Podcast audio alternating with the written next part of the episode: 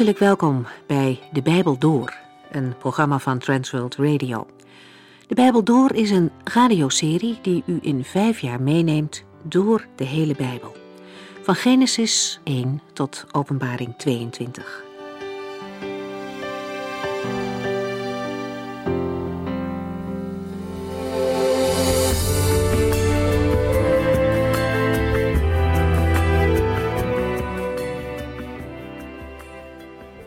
We zijn bezig in de eerste brief die de apostel Johannes heeft geschreven. In hoofdstuk 2 spreekt hij over de antichrist die zich zal openbaren als alles op het einde loopt, vlak voor de wederkomst van Christus. Johannes waarschuwt zijn lezers dat er eerder al voorboden van de antichrist zullen rondgaan in en bij de gemeente. Hij doelt daarmee op degenen die ontkennen dat Jezus de Christus is. Johannes is de enige die hen in zijn brieven antichristenen noemt. Ze zijn dwaalleraren die de gezindheid van de echte antichrist vertonen. Johannes geeft ook aan dat het belangrijk is om juist in de eindtijd goed onderscheid te kunnen maken tussen waarheid en dwaalleer, zodat we dicht verbonden blijven aan de Heer Jezus en God de Vader. In de vorige uitzending stonden we stil bij wie die uiteindelijke antichrist is. Hij is een historisch figuur die zich tegen de dag van de wederkomst van Christus zal manifesteren en zichzelf als God zal laten vereren. We weten niet hoe lang deze openlijke manifestatie nog op zich laat wachten. Dat weet alleen God. En toch zien we nu al veel dat lijkt op het beeld dat de Bijbel schetst. Zonder een concrete uitspraak te kunnen doen, kunnen we wel zeggen dat alles erop lijkt te wijzen dat het binnenkort kan gebeuren. Wat we op grond van bijvoorbeeld het boek Daniel en Openbaring wel kunnen zeggen, is dat de antichrist niet een macht is, maar een persoon. Het gaat om iemand die woorden spreekt tegen de Allerhoogste en de strijd aanbindt met de gelovigen. Zijn werk is van Satan, de tegenstander van God. Hij zal een korte tijd als wereldleider algehele economische macht hebben. In onze tijd zien we de voorbereiding al. In Europa wordt steeds meer gezocht naar eenheid op economisch terrein. En ook wereldwijd zien we de tendens naar het zoeken van een wereldleider. Het gevaar van een wereldwijde economische crisis en andere grote problemen maken dat mensen steeds meer openstaan om één leider te volgen. De Bijbel voorzegt de komst van een nieuwe wereldleider of antichrist als iemand die oplossingen aandraagt voor de grote wereldproblemen. En dit zal samengaan met een economie waar geen contant geld meer in omloop is. Voor ons als gelovigen geldt echter dat we deze dingen mogen zien in het licht van de toekomst van Christus. Want daar zijn we naar onderweg en daaraan mogen we ons vasthouden. We lezen verder in 1 Johannes.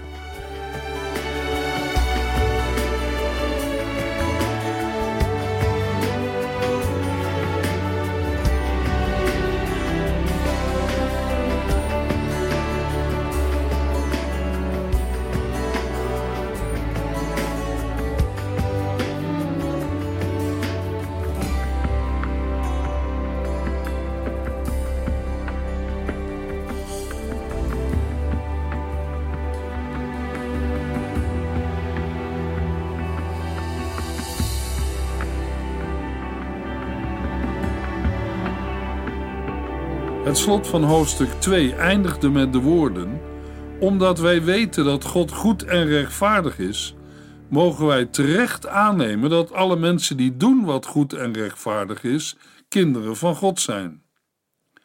Doen wat rechtvaardig is, betekent staan in de rechte verhouding tot de Here en gedrag dat daaruit voortkomt. Johannes zegt hier niet dat degene die uit God geboren is als gevolg daarvan rechtvaardig handelt. Johannes zegt dat als een gelovige rechtvaardig handelt, doet wat goed en rechtvaardig is, daaruit blijkt dat hij uit God geboren is.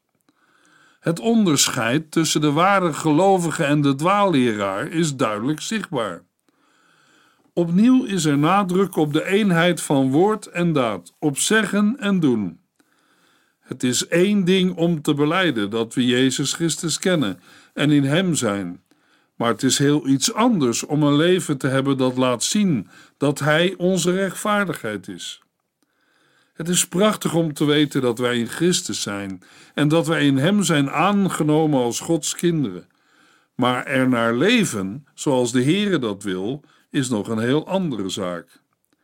Johannes vertelt ons dat de manier waardoor wij andere gelovigen kunnen herkennen als broeders en zusters hun manier van leven is. Dat mag bevestigd worden door de belijdenis van hun lippen, maar aan de vruchten herkent men de boom. Rechtvaardigheid is een kenmerk van God de Vader, maar ook van zijn kinderen.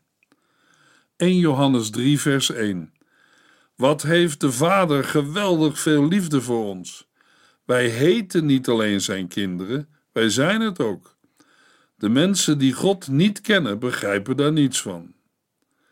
Het uit God geboren zijn doet Johannes even stilstaan bij het wonder van Gods liefde, waardoor de gelovige kinderen van God mogen en kunnen heten. In de Griekse tekst lezen we: Ziet hoe grote liefde ons de Vader heeft gegeven, opdat wij kinderen Gods genaamd zouden worden heeft gegeven, spreekt over een daad in het verleden met een blijvend gevolg.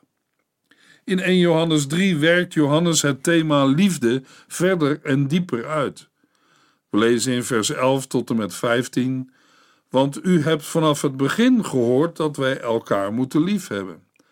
Wij moeten niet zijn als Kain, die bij de duivel hoorde en zijn broer vermoordde. Waarom deed hij dat? Omdat Kain verkeerde dingen had gedaan en wist dat zijn broer eerlijk en goed leefde. Het hoeft u dus niet te verbazen, broeders en zusters, als de wereld u haat. Als wij van elkaar houden, blijkt daaruit dat wij van de dood naar het leven zijn overgegaan. Maar wie niet lief heeft, blijft in de dood. Wie zijn broeder of zuster haat, heeft hem in zijn hart eigenlijk al vermoord. En u weet dat er in het hart van een moordenaar geen plaats is voor het eeuwige leven van God. Ook in hoofdstuk 4 komt de onderlinge liefde aan de orde. We lezen in 1 Johannes 4, vers 7 tot en met 11: Vrienden, laten we elkaar lief hebben, want de liefde komt van God. Wie lief heeft, is uit God geboren en kent God. Maar wie niet lief heeft, kent God niet, want God is zelf liefde. God heeft ons laten zien hoe groot Zijn liefde voor ons is, door Zijn enige zoon de wereld in te sturen. Door Hem wilde God ons nieuw leven geven. De liefde waarover het hier gaat, is niet onze liefde voor God, maar Zijn liefde voor ons. Daarom stuurde Hij Zijn Zoon, die de straf voor onze zonden op zich heeft genomen, om de verhouding tussen God en ons weer goed te maken. Omdat God ons zo heeft liefgehad, moeten wij elkaar ook lief hebben. Johannes schrijft in 1 Johannes 3, vers 1: Wat heeft de Vader geweldig veel liefde voor ons? De geweldige grootte van Gods liefde is voor ons mensen moeilijk te begrijpen. Die liefde is niet van deze wereld, maar heeft een heel andere bron namelijk het hart van God. Het Griekse woord voor geweldig veel heeft ook vaak de notie van verbazingwekkend, wonderlijk, voor een mens niet te begrijpen. Zoals we bijvoorbeeld lezen in Matthäus 8, vers 27. De leerlingen wisten niet wat ze zagen. Wie is hij toch? vroegen ze zich af. Zelfs de wind en de golven doen wat hij zegt. Of een ander voorbeeld uit Marcus 13, vers 1. Toen Jezus de tempel verliet, zei een van zijn leerlingen tegen hem: Kijk eens, meester, wat een grote stenen en wat een prachtige gebouwen. Johannes schrijft: Wat heeft de Vader geweldig veel liefde voor ons? Wij heten niet alleen zijn kinderen, wij zijn het ook. De gelovigen worden door de Heer erkend als zijn kinderen. Met de woorden wij zijn het ook, bevestigt en benadrukt Johannes nogmaals dat ze niet alleen kinderen van God genoemd worden, maar het ook zijn. Met de woorden de mensen die God niet kennen, begrijpen daar niets van, komt ook in dit vers de tegenstelling aan de orde tussen de kinderen van God en de mensen die God niet kennen. In 1 Johannes 2, vers 15 tot en met 17 lazen we al: Houd niet van de zondige wereld en van wat die te bieden heeft. Want als u van de wereld houdt, blijkt eruit dat u de liefde van de Vader hebt afgewezen. Alles wat van de wereld is, de zondige begeerten, de hebzucht en de hoogmoed, die door macht en bezit ontstaat, is er niet door de Vader, maar door de wereld. Aan de wereld en haar zondige begeerten komt een einde, maar wie doet wat God wil, zal eeuwig blijven leven. En in 1 Johannes 5, vers 19 lezen we: Wij weten dat wij kinderen van God zijn en dat de hele wereld in de macht van de duivel is. Daarmee wordt opnieuw duidelijk dat de wereld de mensheid is die Christus afwijst en God niet kent. De wereld wijst ook de volgelingen van Jezus Christus af, zoals zij ook Christus heeft afgewezen. Zijn volgelingen worden door de wereld niet herkend, omdat zij de schenker van het nieuwe leven niet kennen. De nieuwe manier van leven roept dan ook allerlei weerstanden op. We lezen er een aantal in Matthäus 5, vers 11, waar Jezus zegt: Gelukkig bent u als u beledigingen, vervolgingen, leugens en laster te verdragen krijgt, omdat u bij mij hoort. In Matthäus 10, vers 22 wordt haten er nog aan toegevoegd. En in Matthäus 24, vers 9 moet Jezus zijn leerlingen zeggen: Dan komt er een tijd dat jullie gefolterd, gedood en overal ter wereld gehaat worden, omdat jullie bij mij horen. In Romeinen 8, vers 35 schrijft de apostel Paulus: Wat kan ons ooit van de liefde van Christus scheiden? Onderdrukking, nood, vervolging, honger, ontbering, gevaar, de dood? En in vers 38a mag Paulus door Gods genade schrijven: Ik ben ervan overtuigd dat niets ons kan scheiden van Gods liefde. Dat is de troost die er bij al het genoemde ook mag zijn. Ook als we in 1 Johannes 3, vers 13 lezen: Het hoeft u dus niet te verbazen, broeders en zusters, als de wereld u haat. Johannes 15, vers 18 tot en met 21 zegt Jezus over deze dingen: Als de mensen jullie haten, vergeet dan niet dat zij mij al eerder hebben gehaat. De mensen zouden alleen van jullie houden als jullie bij de wereld hoorden. Maar nu dat niet zo is, haten zij jullie. Dat doen zij omdat ik jullie van hen heb weggeroepen. Weten jullie nog dat ik zei dat een knecht niet de meerdere van zijn baas is? Als zij mij hebben vervolgd, zullen ze jullie ook vervolgen. Als zij zich aan mijn woorden hebben gehouden, zullen zij zich ook aan jullie woorden houden. De mensen zullen jullie vervolgen omdat jullie bij mij horen. Zij kennen God niet die mij gestuurd heeft. Het niet kennen van God leidt tot een haten van Gods kinderen, omdat de mensen die God niet kennen, zijn liefde niet begrijpen. 1 Johannes 3, vers 2. Ja, vrienden, wij zijn kinderen van God en kunnen ons er geen voorstelling van maken hoe het later zal zijn. Maar wij weten één ding: als Christus komt, zullen wij zijn zoals Hij, omdat wij Hem dan zien zoals Hij werkelijk is. Er zit een tegenstelling in dit vers. Deze tegenstelling komt het beste naar voren in de Griekse tekst, waar we lezen: Geliefden, nu zijn wij kinderen Gods, en het is nog niet geopenbaard wat wij zijn zullen.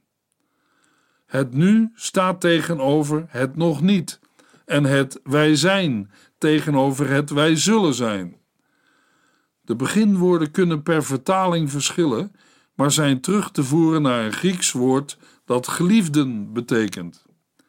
Het wordt ook vertaald met vrienden of broeders en zusters, wat weer afhangt voor welk Grieks manuscript er bij het vertalen wordt gekozen. Johannes schrijft: Wij zijn kinderen van God. Hier op aarde ziet een gelovige nog maar een klein gedeelte van Gods heerlijkheid.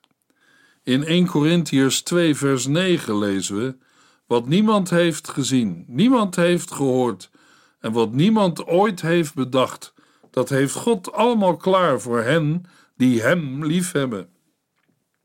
En in 1 Corinthians 13, vers 12 schrijft de apostel: Nu hebben wij nog geen heldere kijk op Christus, maar later zullen wij oog in oog met Hem staan. Ik ken Hem nu nog niet volkomen, maar dan zal ik Hem volledig kennen, zoals Hij mij door en door kent. Johannes geeft nadruk aan het nu al kind van God zijn van een gelovige in Christus. Maar dat maakt hem niet blind voor het feit dat het beste nog moet komen. Wij kunnen er wel enig idee van hebben hoe onze toekomst zal zijn, want Christus zal verschijnen. De gelovigen zullen hem dan zien zoals hij is, en zij zullen zijn zoals hij is. Dan zullen wij zijn schitterende majesteit zien. In Romeinen 8, vers 17 tot en met 19 lezen we: En als wij Gods kinderen zijn, krijgen wij ook wat ons als zijn kinderen toekomt. Wat God aan zijn zoon Jezus Christus geeft, zal hij ook ons geven. Als wij hetzelfde lijden doormaken als hij, zullen wij ook dezelfde heerlijkheid krijgen als hij. Ik weet zeker dat wat voor lijden wij hier ook doormaken, het in het niet valt bij de schitterende heerlijkheid die God ons straks zal laten zien. De schepping ziet verlangend uit naar het moment waarop zal blijken wie de kinderen van God zijn. En iets verderop in Romeinen 8, in vers 29 tot en met 31 lezen we: Hij heeft altijd geweten wie hem zouden liefhebben en hij bepaalde ook dat die mensen zijn zoon zouden weerspiegelen. Want hij wilde dat zijn zoon de eerste en belangrijkste van vele broers zou zijn. Maar God heeft allen die daartoe bestemd waren ook geroepen. En hij heeft hen ook rechtvaardig gemaakt.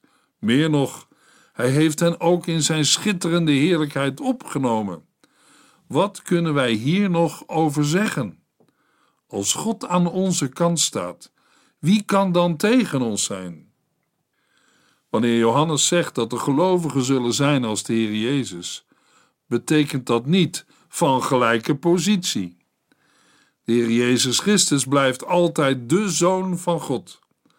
Wel betekent het dat gelovigen, zoals de Heer Jezus nu al, deel zullen hebben aan Gods heerlijkheid. Bovendien is het proces van verandering, van verheerlijking, dat wordt voltooid bij de wederkomst van Jezus Christus al begonnen. De woorden wij weten één ding is een zeker weten, dat berust op Gods toezeggingen. Wij mensen zullen nooit iets in onszelf als grond kunnen vinden waarop de Heer zijn toezeggingen aan ons kan doen. Het is alleen zijn genade, op grond van het verzoeningswerk van Christus hij heeft alles volbracht en is opgestaan uit de dood en zit nu aan de rechterhand van God de Vader. Vandaar zal hij komen om al de zijnen tot zich te nemen en alle anderen rechtvaardig te oordelen op grond van hun daden, zoals het in de boeken staat geschreven. 1 Johannes 3, vers 3. Ieder die dit gelooft, leidt een rein leven, omdat Christus rein is. Zoals vaker in de eerste brief van Johannes ontdekken we een steeds terugkerend stramien bij de apostel Johannes. Vaak klinkt er eerst een bemoediging en bevestiging, gevolgd door de consequenties voor de christelijke levenswandel. In de Griekse tekst van vers 3 lezen we: En ieder die deze hoop op hem heeft, die reinigt zichzelf gelijk hij rein is. De hoop op de toekomstige heerlijkheid is niet onzeker. Integendeel, ze is gebaseerd op de stellige beloften van God. Paulus schrijft aan zijn medewerker Timotheus over de hoop in 1 Timotheus 4, vers 10 en 11, waar we lezen: Opdat men dit zal geloven, werken wij hard en moeten wij veel doorstaan, want onze hoop is gericht op de levende God, die de redder van alle mensen is in het bijzonder van hen die in Hem geloven. Zorg ervoor dat je dit aan iedereen onderwijst. De schrijver van Hebreeën moedigt de gelovigen aan met de woorden: Wij moeten blijven vasthouden aan wat God ons heeft beloofd en andere mensen erover vertellen. Omdat God zich aan zijn woord houdt, zullen wij krijgen wat wij van hem verwachten. Dit gelovig uitzien en verwachten voorkomt dat de gelovigen bij de pakken gaan neerzitten of een hoogmoedige en gereserveerde houding aannemen. De hoop op de toekomst is bovendien een sterke aansporing voor ieder. Het staat met nadruk voorop om een heilig en rein leven te leiden. In de Griekse tekst van vers 3 lazen we: En een ieder die deze hoop op hem heeft, die reinigt zichzelf, gelijk hij rein is. Reinigen is van oorsprong een begrip uit de oud-testamentische eredienst, maar heeft in het Nieuwe Testament vooral een ethische invulling. Het gaat niet om een uiterlijke, maar een innerlijke reiniging die plaatsvindt door het bloed van Christus.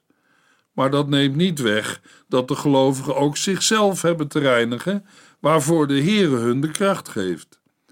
We lezen het onder andere in 2 Korintiërs 7 vers 1. Vrienden, omdat God ons zulke geweldige beloften heeft gedaan, moeten wij ons afkeren van alles wat ons lichamelijk en geestelijk bevuilt. Wij moeten onszelf reinigen door ontzag voor God te hebben en ons volkomen aan Hem te geven. Aan het slot van 1 Timotheus 5, vers 22 lezen we de aansporing: Zorg ervoor dat je zelf altijd zuiver blijft. De vorm van het werkwoord reinigen geeft aan dat de reiniging die wordt bedoeld een doorgaand proces is. Reiniging is steeds weer nodig in een wereld waar onreinheid en zonde hoogtij vieren. De reiniging zal leiden tot reinheid en is voor een gelovige nodig in de relatie met Christus, omdat Christus rein is, zonder zonde. 1 Johannes 3, vers 4. Wie zondigt, overtreedt de wet van God, want elke zonde is een overtreding van die wet. Johannes omschrijft zonde in vers 4 als iets waarvoor een mens kan kiezen. Het is mogelijk dat onder invloed van de tegenstanders de gelovigen ertoe neigen de ernst van de zonde te licht op te vatten.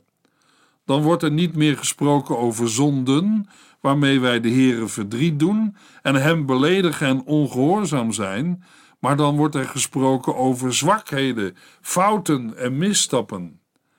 Maar Johannes benadrukt de ernst van de zonde door haar te karakteriseren als wetteloosheid.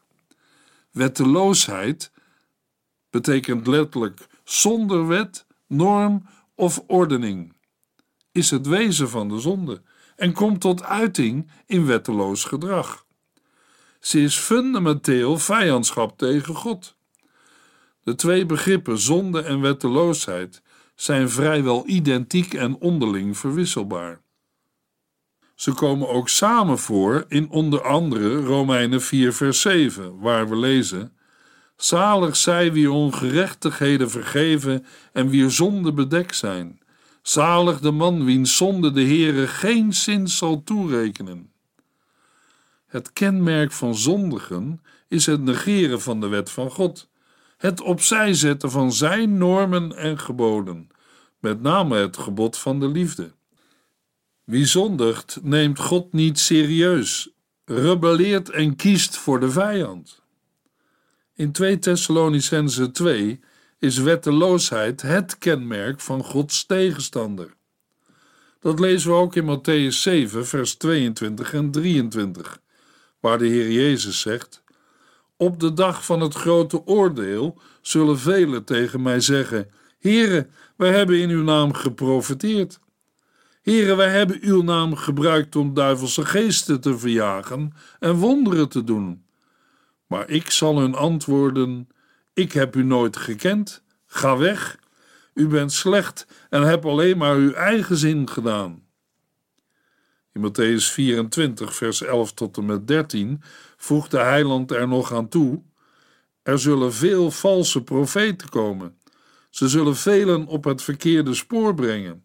Het kwaad zal hand over hand toenemen, zodat de liefde van de meeste mensen zal verkoelen. Maar wie dwars door alles heen aan mij vasthoudt, zal gered worden. 1 Johannes 3, vers 5. U weet dat de Zoon van God mens geworden is om onze zonde te kunnen wegnemen. En hij kon dat omdat hij nooit gezondigd heeft. De bedoeling van vers 5 is niet om de gelovigen nogmaals van de vergeving van de zonden te overtuigen. Johannes benadrukt dat degene die de zonden wegneemt zelf niets met de zonde te maken heeft. De eerste komst van Christus op aarde had onder andere het wegnemen van de zonde tot doel. Met de eenmalige gebeurtenis van het sterven van de Heer Jezus Christus aan het kruis heeft hij de zonden van de wereld weggedragen. Johannes gebruikt in vers 5 niet het woord zonde, maar zonden. Dat wil zeggen, de nadruk ligt in vers 5 niet op de hele zondelast, maar op de concrete zonde van alle mensen, ook die van de lezers. Vandaar de woorden onze zonden. Terwijl de Heer Jezus de zonden wegdraagt, is Hij zelf zonder zonde. Over de zondeloosheid van Jezus lezen we ook in andere Bijbelboeken. 1 Johannes 3, vers 6. Als we één met Hem blijven, zullen we ook niet zondigen. Maar de mensen die blijven zondigen, moeten goed beseffen dat zij zondigen omdat zij Christus nooit echt hebben gekend. Johannes spreekt in vers 6 niet over de individuele zonden van de gelovigen, maar heel algemeen. Hij verwoordt het doel waarnaar een gelovige zich uitstrekt: één met hem blijven en daardoor niet te zondigen. Het betekent dat degene die voortdurend door geloof met Christus is verbonden, ook niet zal zondigen. Terwijl aan de andere kant degene die blijft zondigen, voor wie zondigen een gewoonte of een levenshouding is, Christus nooit echt hebben gekend. Iedereen, ook al heet hij een christen, die toch blijft zondigen, zegt Johannes, beweert ten onrechte dat hij Jezus Christus heeft gezien of gekend. Het zien heeft geen betrekking op de ontmoeting met de aardse Jezus, maar betreft het zien met de ogen van het geloof. Dit zien is gefundeerd in het zien van de oog- en oorgetuigen en heeft het perspectief van het zien van Christus in de toekomst. Daarover meer in de volgende uitzending.